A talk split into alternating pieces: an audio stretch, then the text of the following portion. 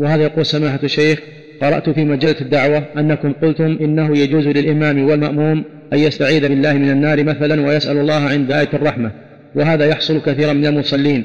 وسمعت منكم في الجامع الكبير أنه لا يجوز لأحد أن يتكلم في الصلاة بل عليه الاستماع وإنما الجائز في ذلك هو في صلاة الليل آمل التوضيح والقول الفضل في ذلك وأحسن الله إليك. هذا هو المبين هذا في صلاة الليل. النبي كان في صلاة الليل يقف عند آية الرحمة يسأل.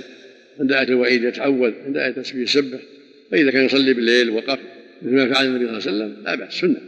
والإنسان في تهجد بالليل أو في قيام الليل أو التراويح لا بأس.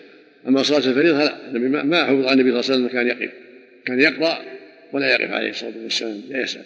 أما في التهجد بالليل إذا صلى بالليل ووقف دعا عند آية الرحمة وتعوذ عند آية الوعيد وسبح الله عند آية التسبيح هذا لا بأس به. بل هو مستحب. فعله النبي صلى الله عليه وسلم في صلاة الليل رواه عنه حذيفة وابن مسعود وجماعة.